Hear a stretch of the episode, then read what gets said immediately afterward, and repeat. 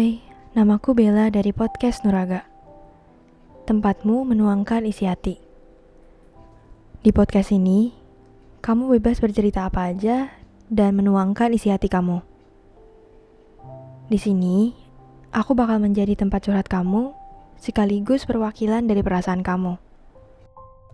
Hari ini aku akan membacakan sebuah cerita yang datang dari seorang pemuda yang ingin kisah cintanya dibacakan. Cinta yang penuh perjuangan, namun kandas dalam waktu yang singkat. Dan alasan kenapa aku bikin judulnya Harga Sebuah Perjuangan, karena menurut aku cerita ini tuh penuh dengan perjuangan dan effort, tapi endingnya tuh gak sesuai dengan ekspektasi. Jadi kisah ini berawal dari sebuah pertemanan enam laki-laki dan lima perempuan yang ada di satu kelompok pertemanan yang sama. Di antara lima cewek ini, salah satu dari mereka adalah seorang primadona kampus yang memiliki paras cantik dan penuh dengan karisma. Biar gampang, kita samarin si cewek ini jadi Amel. Karena si Amel ini cakep banget, sangat mungkin untuk banyak orang mengagumi dia secara bersamaan. Bisa suka sama dia dalam waktu yang sama. Tapi yang jadi anehnya itu, si Amel ini diam-diam disukain sama enam temen cowoknya yang udah saling temenan.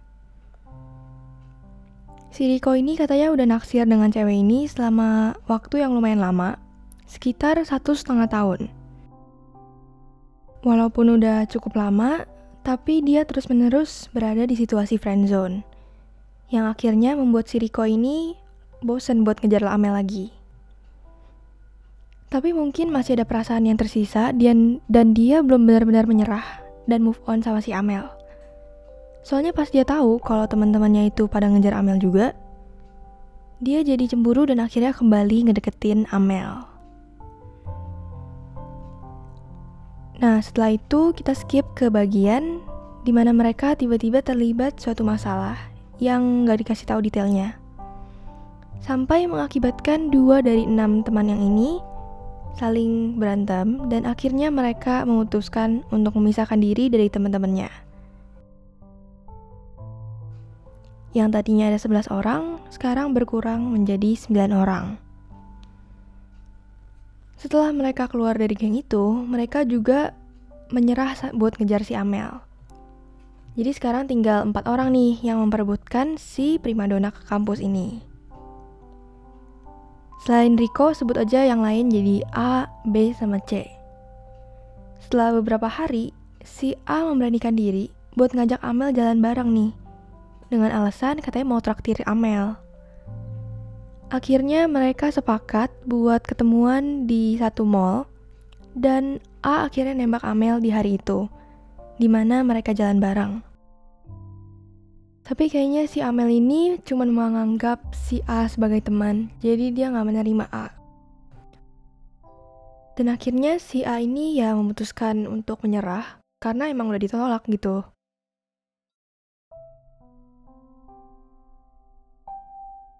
Setelah tahu kalau si A udah ditolak sama Amel, akhirnya B juga memutuskan buat nembak Amel juga. Dalam waktu yang cukup dekat ya. Katanya sih cuman empat hari aja. Dan si Amel ini juga menolak B. Dan karena si B ini agak gak nyaman dengan penolakan itu, mungkin dia agak malu atau gimana, dia mulai menjauh dari Amel dan juga jarang nongkrong bareng teman-temannya lagi. Terus di sini diceritain juga kalau misalnya semua temennya ini, teman satu gengnya mengikuti satu kepanitiaan yang sama untuk satu event yang lumayan gede di kampusnya. Dan di hari pertama, hari pertama diadakannya event kepanitiaan itu, si C nembak nih ke si Amel. Tapi ternyata sekali lagi Amel menolak. Dan karena teman-temannya ini semua ditolak, Riko jadi agak minder dan dia mengurungkan niat buat nembak Amel juga dong. Tapi dia tetap berusaha untuk memperjuangin Amel. Dia sering ngajak Amel pergi. Dia sering ngantar dia ke mana-mana dan bantuin ngerjain tugasnya Amel. Setelah kurang lebih dua bulan, akhirnya Riko memutuskan buat nembak Amel. Dan ternyata Amel tuh nerima. Jadi mereka tuh bisa dibilang nembak secara bergantian sampai tinggal satu orang aja yang dia terima. Dan ternyata di antara semua temennya ini, si Riko berhasil menjadi orang yang dipilih sama Amel. Mereka pacaran hampir sekitar 8 bulanan, cuman sayangnya mereka itu sering berantem. Dan banyak banget drama di antara mereka yang membuat mereka putus. Dan Riko bilang kalau dia ini sebenarnya tipe yang agak cemburuan, dan karena sifatnya itu mereka jadi nggak bertahan lama. Terus dia juga nyuruh Amel buat sering kasih tahu lokasinya setiap kali dia pergi. Jadi dia agak posesif gitu ya. Ternyata setelah dua minggu abis mereka putus, Riko kembali menemukan seseorang yang baru nih, yang bernama Sarah. Si cewek ini ternyata sejurusan juga sama Riko.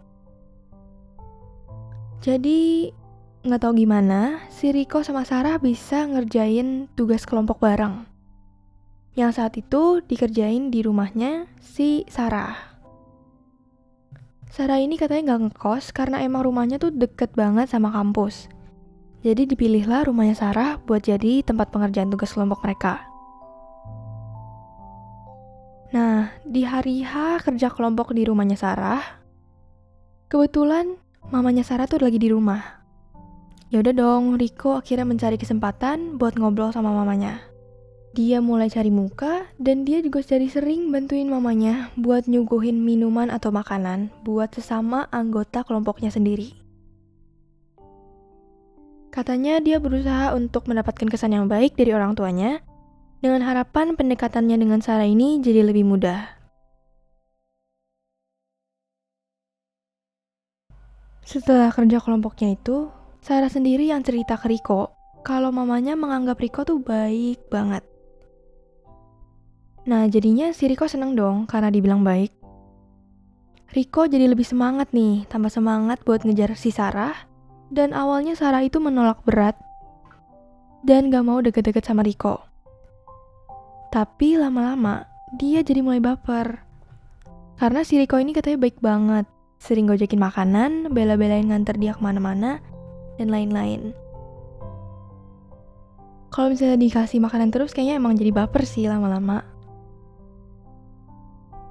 Nah, setelah Sarah ini mulai baper, ternyata ada satu kelompok lagi nih yang dikerjain di rumahnya Sarah. Dan singkat cerita, Sarah pun tiba-tiba ditembak sama Riko di depan mamanya. Wow. Dan di saat itu juga, Sarah akhirnya mengiyakan dan mereka udah officially pacaran di saat itu. Di hubungannya Riko yang sebelumnya, dia merasa kalau dia itu agak posesif dan obsesif sama pacar lamanya. Jadi di hubungan ini dia tuh mencoba untuk jadi pacar yang lebih baik dan gak melakukan kesalahan yang sama. Hubungan mereka selama beberapa bulan itu mulus-mulus aja. Mereka itu sering berkomunikasi dan sering menceritakan keluh kesah mereka. Riko kira hubungan mereka tuh bakal bertahan lama. Sampai di bulan Februari ada di mana Sarah dikasih kado Valentine, yaitu sebuah coklat sama bunga, sama seorang cowok. Dan itu bikin Riko marah banget dan gak bisa nahan diri. Dengan perasaan dia yang menggebu-gebu saking keselnya, dia nyari orang yang kasih coklat itu ke Sarah. Dan ternyata yang kasih coklat itu adalah temennya sendiri. Walaupun dia tuh bukan teman yang ada di gengnya ya tapi dia bisa dibilang temen yang lumayan dekat sama Riko. Karena kadang-kadang Riko tuh sering ngobrol sama dia. Padahal seharusnya semua orang di kampusnya tuh udah tahu kalau Sarah sama Riko ini udah pacaran. Tapi si temennya ini tuh masih berani buat ngasih kado Valentine dan menyebabkan konflik di antara mereka berdua. Nah akhirnya ribut tuh satu kampus dan semua orang heboh banget dan Sarah jadi risih dengan melihat keadaan mereka yang lagi berantem itu kan.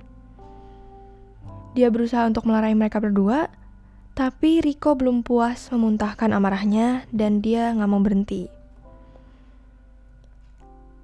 Nah terus si Sarah ini dengan mudahnya bilang kayak gini ke temannya Riko.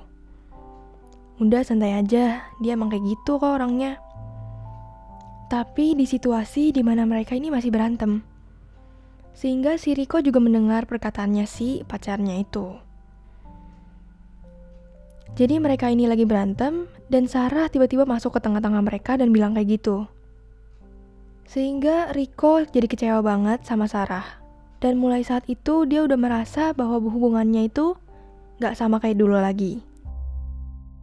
Karena dia masih terbawa perasaan itu, gak lama setelah kejadian Valentine, Rico memutuskan buat menyudahi hubungan mereka.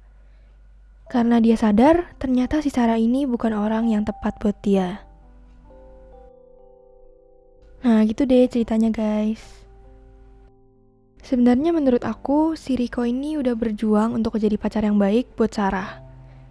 Tapi sayangnya dia dikecewakan sama pacarnya sendiri, yang akhirnya membuat mereka nggak bertahan lama juga. Gimana nih pendapat kalian tentang cerita ini? Mungkin kalian tuh pernah merasakan hal yang sama, atau mungkin kalian pernah merasakan sesuatu yang mungkin membuat kalian bingung sebenarnya perjuangan tuh worth it gak sih? Kalau misalnya gue udah perjuangin dia, kenapa endingnya kayak gini? Kenapa gak sesuai dengan ekspektasi? Mungkin kalian bisa komen di bawah tentang pendapat kalian, atau juga kalian bisa komen di bawah buat menceritakan pengalaman-pengalaman pribadi kalian. Kalau kalian mau berbagi tentang pengalaman kalian atau bingung mau cerita tapi nggak tahu mau cerita ke siapa, kalian bisa banget kirimin cerita kalian ke nuraga.kita at gmail.com dan jangan lupa buat follow IG kami di nuraga.kita dan Twitter di podcast Nuraga. Salam aku, Bella. Semoga harimu menyenangkan.